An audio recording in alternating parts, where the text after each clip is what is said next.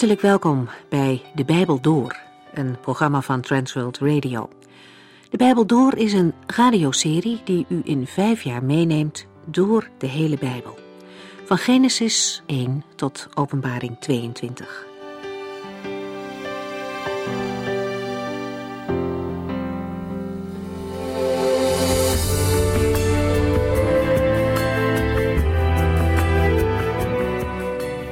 De vorige aflevering is geëindigd met de dood van Stefanus. Wat een schok moet dat zijn geweest in die jonge gemeente. Eén van hen, gestenigd. Een man die nog zoveel kon betekenen voor de gemeente en ook als getuige. En toch, hij was er niet meer. Opgepakt omdat hij mensen over Jezus vertelde. Valse getuigen die verdraaiden zijn woorden voor de raad. Maar dwars door deze verdrietige gebeurtenissen heen zien we de betrokkenheid van de Heere zelf. Door het verhaal van Stefanus heen straalt de verbondenheid van de Heer in de hemel met zijn discipel op aarde. Stefanus krijgt de gelegenheid om op de beschuldigingen te reageren. En hij doet dat met een toespraak waarin hij in grote stappen door de geschiedenis van Israël heen gaat. Hij maakt duidelijk dat hij geen afval van de wet van Mozes predikt of minachting van de tempel. Maar juist uit het verleden van het volk Israël blijkt dat het volk en zijn leiders maar al te vaak afdwaalden van Mozes en van de wetten van de Here. Profeten van God werden vermoord en er was verzet tegen de Heilige Geest. Uiteindelijk kwam het zover dat Gods eigen zoon werd verraden en gedood. Dat woord verdragen de luisteraars niet en zij barsten in een enorme woede uit. Stefanus kijkt niet naar die woedende menigte, hij kijkt omhoog naar de hemel. Hij mag verder kijken, naar binnen, en hij ziet daar Jezus staan aan de rechterhand van God. We lezen vaak in de Bijbel dat de Heer Jezus zit aan de rechterhand van God, maar hier wordt gezegd dat hij staat. Je zou met eerbied kunnen denken dat hij zo betrokken is bij wat er op aarde gebeurt met Stefanus, dat hij daar niet rustig kan blijven zitten. De naam van Stefanus betekent kroon of lauwerkrans, een symbool van overwinning. Maar als Stefanus wordt gestenigd, lijkt die overwinning ver te zoeken. Het verdriet en verlies in de gemeente is ontzettend groot. Maar Stefanus zelf is de hemel binnengegaan.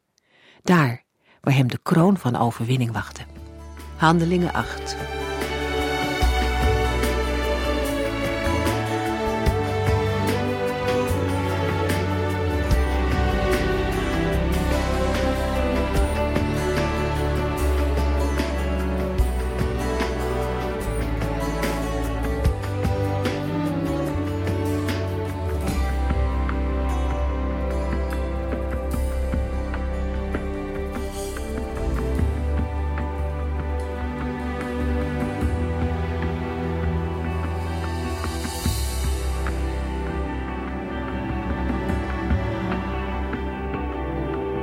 Eerste drie versen van Handelingen 8 sluiten nog aan bij het vorige hoofdstuk. In verband met de steniging van Stefanus brengt Lucas nu de activiteiten van Saulus onder de aandacht. We hebben al iets over hem gelezen in Handelingen 7, vers 58. Het zijn de dingen die hij deed voor hij christen werd. In Handelingen 22, vers 20 zegt hij daarover: Toen uw getuige Stefanus werd vermoord, stond ik erbij. Ik stemde ermee in en paste zelfs op de kleren van zijn moordenaars. Handelingen 8, vers 1. Saulus was het helemaal eens met het vonnis over Stefanus. Vanaf die dag kwamen de volgelingen van Jezus in Jeruzalem onder zware druk te staan. Ze werden zo hevig vervolgd dat zij moesten vluchten naar Judea en Samaria. Alleen de apostelen bleven nog in de stad. De christenvervolging begon op de dag waarop Stefanus werd gestenigd. Deze vervolging beperkte zich voorlopig tot de gemeente in Jeruzalem. Het resultaat was dat zij moesten vluchten. In ieder geval bleef de duur van de vervolging beperkt tot de periode waarin Saulus haar organiseerde.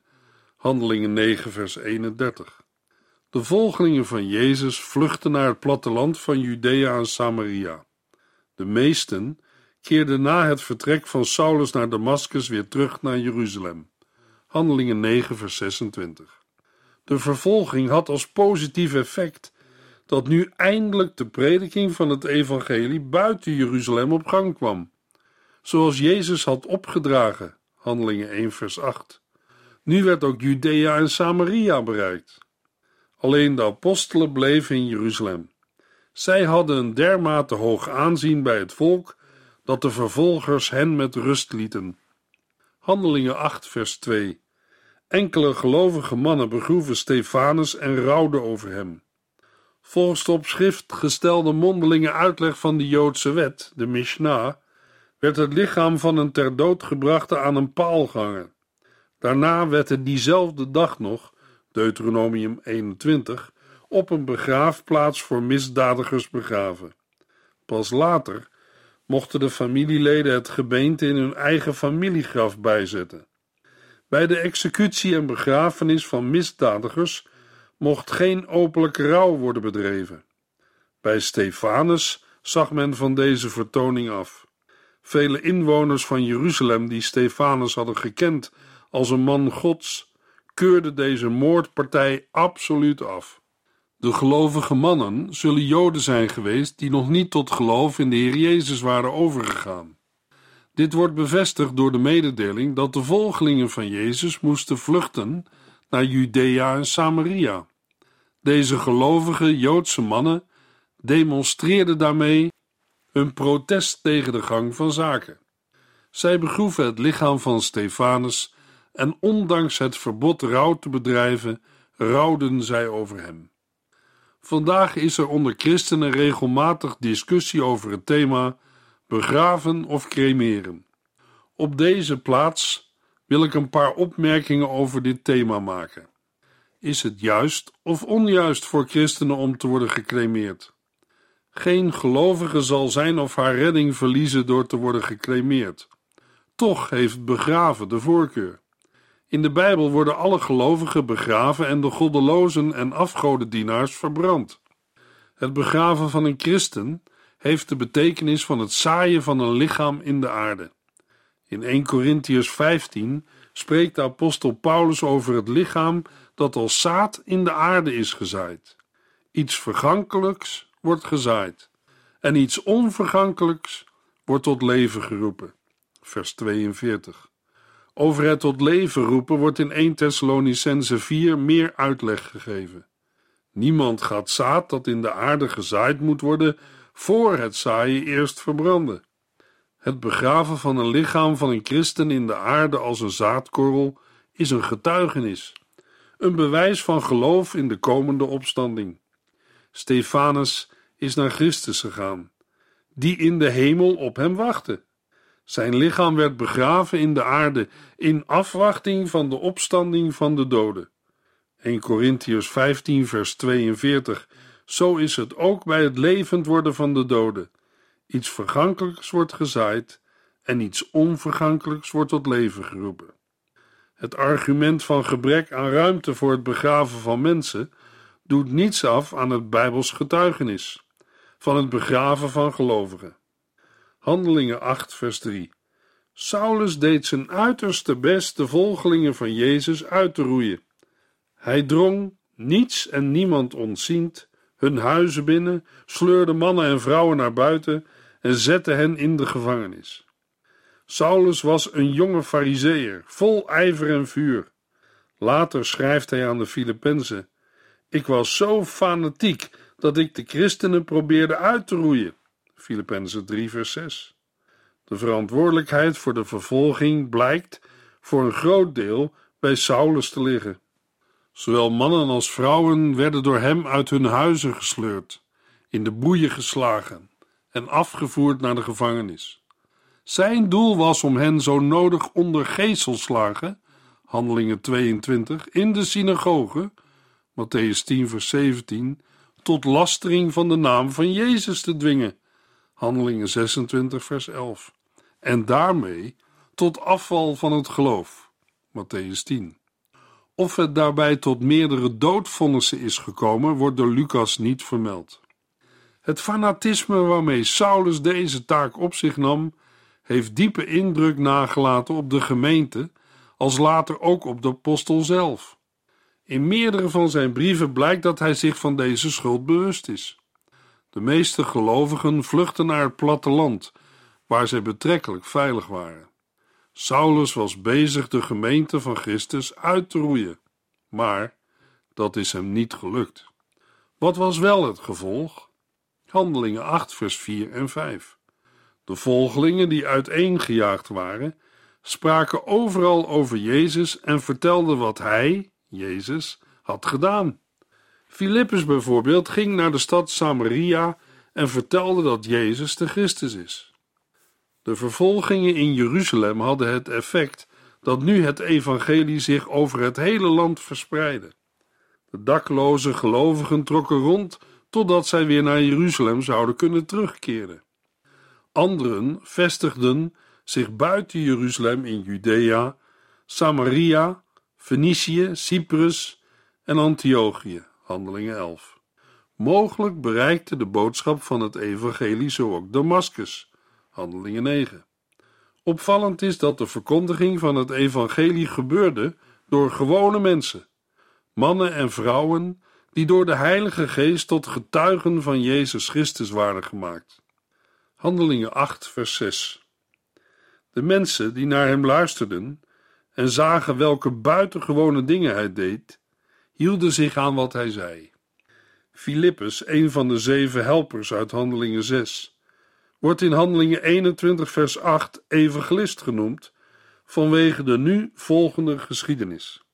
Hij was naar Samaria gegaan, waar hij beslist veilig was voor de vervolgers. Het Sanhedrin had daar geen enkel gezag. De Samaritanen waren een mengvolk, afstammend van de ballingen uit verschillende volkeren die door de koning van Assur naar het noorden van Israël waren gedeporteerd. 2 Koningen 17. Mogelijk hadden ook achtergebleven Israëlieten uit het tienstamrijk zich met hen vermengd. De Samaritanen geloofden ook in de God van Israël. Zij erkenden de vijf boeken van Mozes, Genesis tot en met Deuteronomium, als heilige schrift en zagen de berg Gerizim als de door de Heere aangewezen plaats om hem te dienen. Johannes 4. Uit de geschiedenis in Johannes 4 blijkt dat zij geloofden in het optreden van profeten en dat zij de komst van de Messias, de Christus, verwachten. In het algemeen boterde het niet goed tussen Joden en Samaritanen. De verkondiging van het evangelie aan de Samaritanen had meer resultaat dan de prediking van het evangelie aan de Joden. De mensen hielden zich aan wat door Filippus werd gezegd. Verder werden ze overtuigd doordat zij de buitengewone dingen zagen die Filippus deed. Deze wonderen en tekenen, handelingen 5 vers 12, waren niet beperkt tot de apostelen.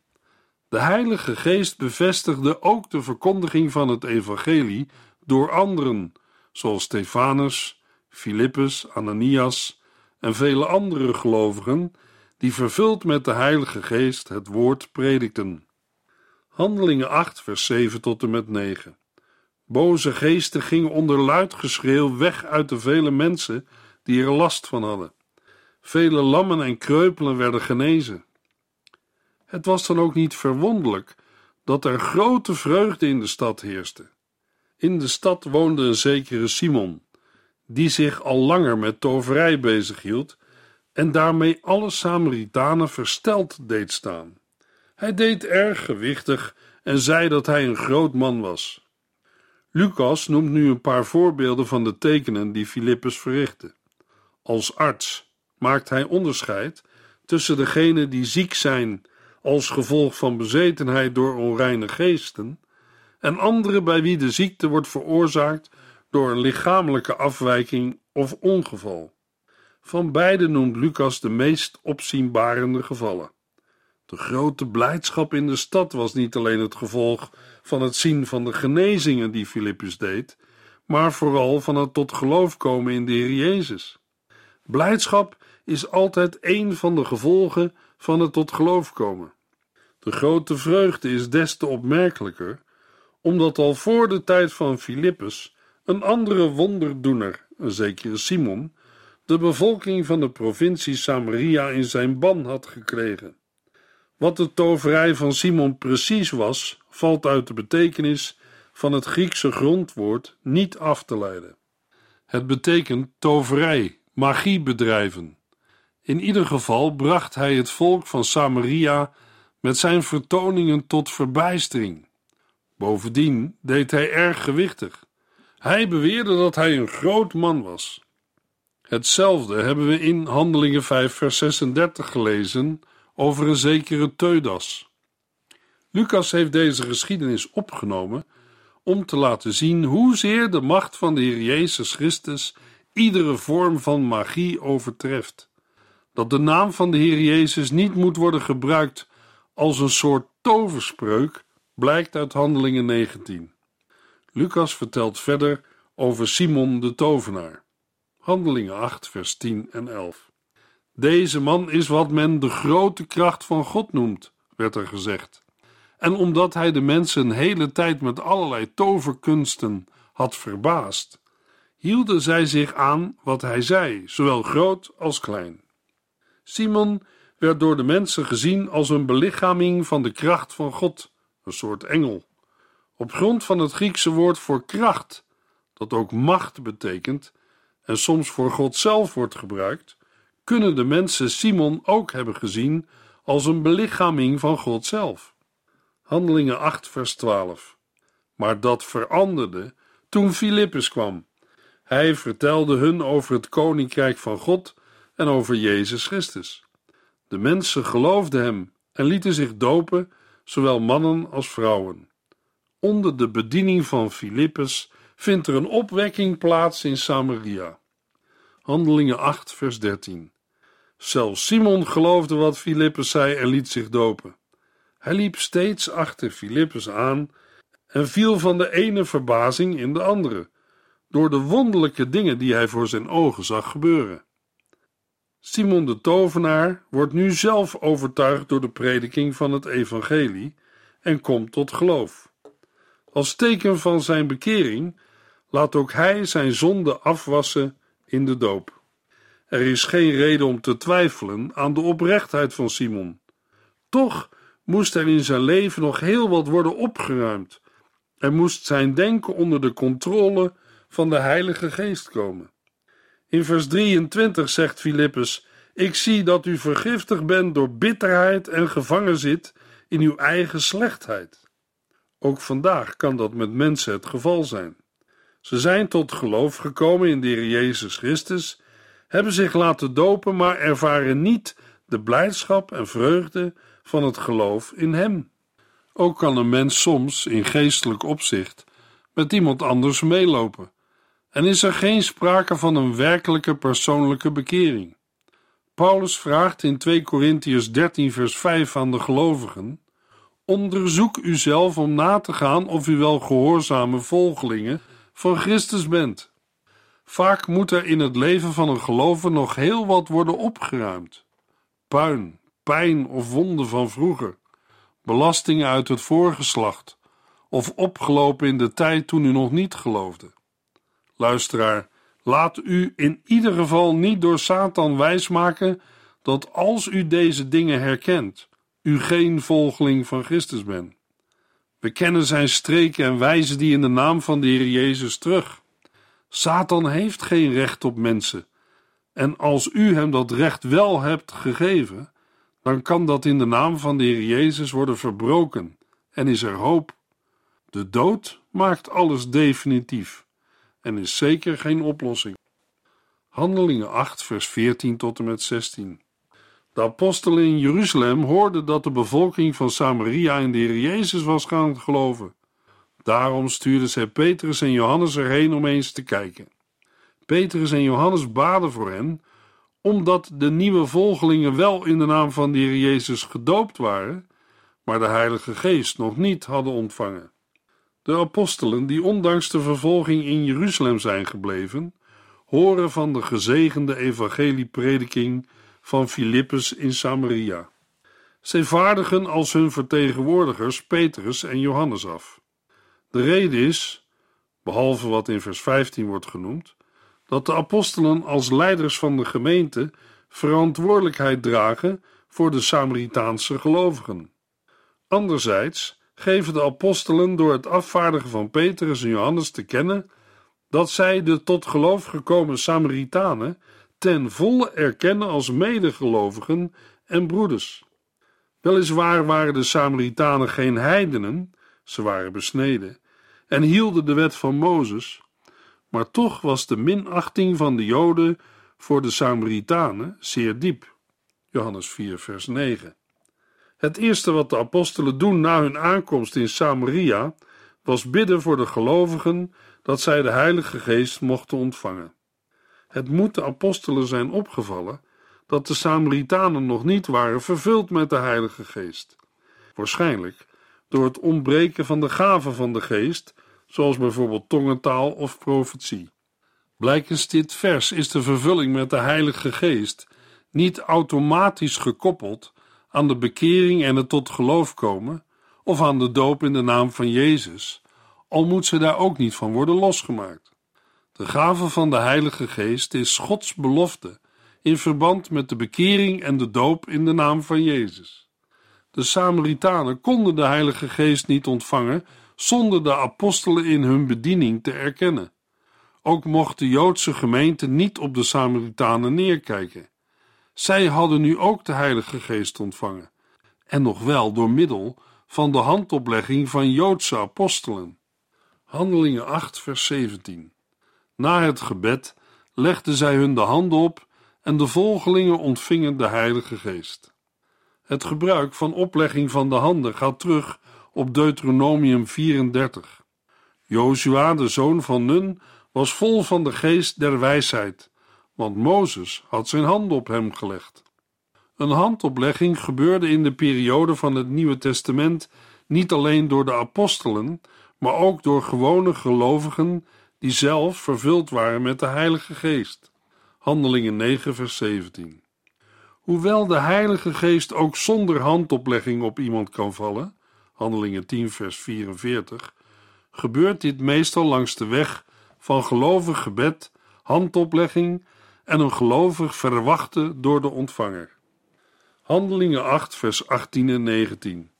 Toen Simon de tovenaar zag dat de volgelingen de Heilige Geest ontvingen, doordat Petrus en Johannes hun handen op hen legden, bood hij de twee apostelen geld en zei: Geef ook mij die macht, dan kan iedereen de Heilige Geest ontvangen als ik mijn handen op hem leg. Simon zag de vervulling met de Heilige Geest kennelijk als een magische handeling van de apostelen. Deze totaal verkeerde kijk hing nauw samen met zijn occulte achtergrond. Binnen magie en toverij probeert de mens geestelijke krachten naar zijn hand te zetten en te beheersen. Maar de Heere geeft zijn genade en kracht alleen aan mensen die hem gehoorzamen en met een nederig, gelovig gebed tot hem komen. Handelingen 8, vers 20 tot en met 23. Uw geld zal u te gronden richten, antwoordde Petrus. Wat God geeft is niet te koop. U hebt hier part nog deel aan. U staat niet zuiver voor God. Vreselijk dat u met zo'n voorstel aankomt. Kom toch tot inkeer en smeek God of Hij u wil vergeven, dat u zoiets hebt bedacht. Ik zie dat u vergiftigd bent door bitterheid en gevangen zit in uw eigen slechtheid. Simon heeft van de gave van de Heilige Geest niets begrepen, en met de instelling die hij nu heeft, zal hij er ook geen deel aan krijgen. Petrus ontleent zijn woorden aan het Oude Testament. Deuteronomium 12 en 14. De uitdrukking: U staat niet zuiver voor God, is ontleend aan Psalm 32. Simons hart was niet recht voor God, omdat hij vanuit verkeerde, zelfzuchtige motieven de gave van God wilde hebben en gebruiken voor eigen winstbejag. Het aanbieden van geld is daarbij een belediging aan het adres van God. Simon zit nog vast in zijn vroegere toverij en zonden. Handelingen 8, vers 24. Simon antwoordde: Wilt u de Heere voor mij vragen mij niet de straf te geven die u zojuist noemde? Simon schrikt geweldig en vraagt de apostelen voor hem te bidden. Afhankelijk van de waarde die men hecht aan de latere tradities, dat Simon de stichter zou zijn van een eigen ketterse beweging, kan men uit wat er in dit vers staat of uit wat er juist niet staat, verschillende conclusies trekken. We weten niet of deze man ook werkelijk tot Christus kwam. Handelingen 8, vers 25. Petrus en Johannes verzekerden de Samaritanen dat ze hen als broeders erkenden. Nadat ze hadden gezegd wat hun door God was opgedragen, vertrokken zij weer naar Jeruzalem. Onderweg maakten zij in vele Samaritaanse dorpen het goede nieuws van Jezus Christus bekend. De verkondiging van het evangelie vindt voortgang. Het heidendom en de toverij in Samaria zijn verslagen door de kracht van de Here. Ook de Samaritanen mogen nu bij de gemeente van Christus horen. Voordat de apostelen Samaria verlaten, maken zij onderweg in vele Samaritaanse dorpen het goede nieuws van Jezus Christus bekend. Dat wil zeggen, zij laten de Samaritanen niet zonder verder geestelijk onderwijs achter. De verkondiging en het onderwijs blijft niet beperkt tot één stad. Terwijl de apostelen en Filippus terugkeren naar Jeruzalem, prediken zij het evangelie in vele dorpen van de Samaritanen en ook daar komen mensen tot geloof. Handelingen 9 vers 31. Filippus krijgt in Handelingen 8 vers 26 opdracht om te zorgen dat hij op de weg van Jeruzalem naar Gaza komt. Kennelijk is hij dan in Jeruzalem. Hij is waarschijnlijk meegereisd met de beide apostelen.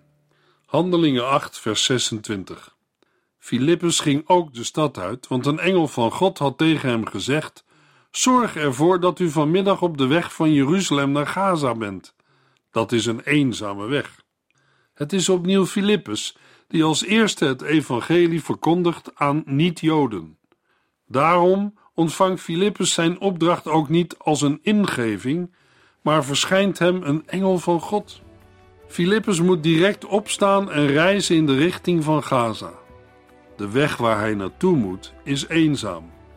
Daarmee wil Lucas benadrukken hoe onwaarschijnlijk het is dat juist op die weg een belangrijke ontmoeting zal plaatsvinden. Maar Filippus gaat. Samaria ligt in een gebied ten noorden van Jeruzalem. Filippus moet nu de weg naar het zuiden nemen. Wat wij kennen als de Gaza-strook ligt in het zuiden langs de Middellandse Zee. Het was de handelsroute naar Egypte en Ethiopië. In de volgende uitzending lezen we verder over Filippus in Handelingen 8.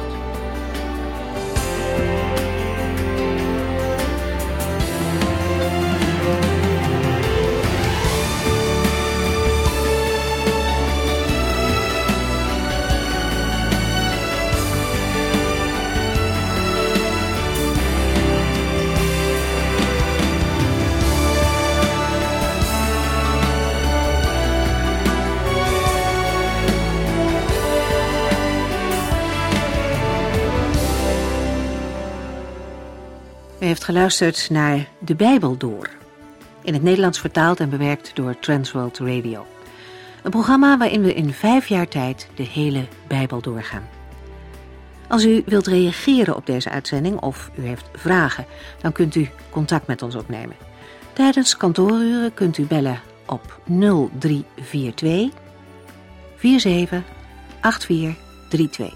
0342 47 8432. 32.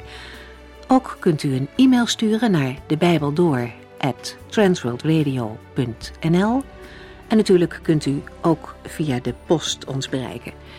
TWR, postbus 371, postcode 3770, AJ in Barneveld. Dit programma werd gepresenteerd door Cor Weda en Ike André. Techniek was in handen van Odin van Woerdekom. En wij allemaal bedanken u voor het luisteren. Graag tot de volgende keer.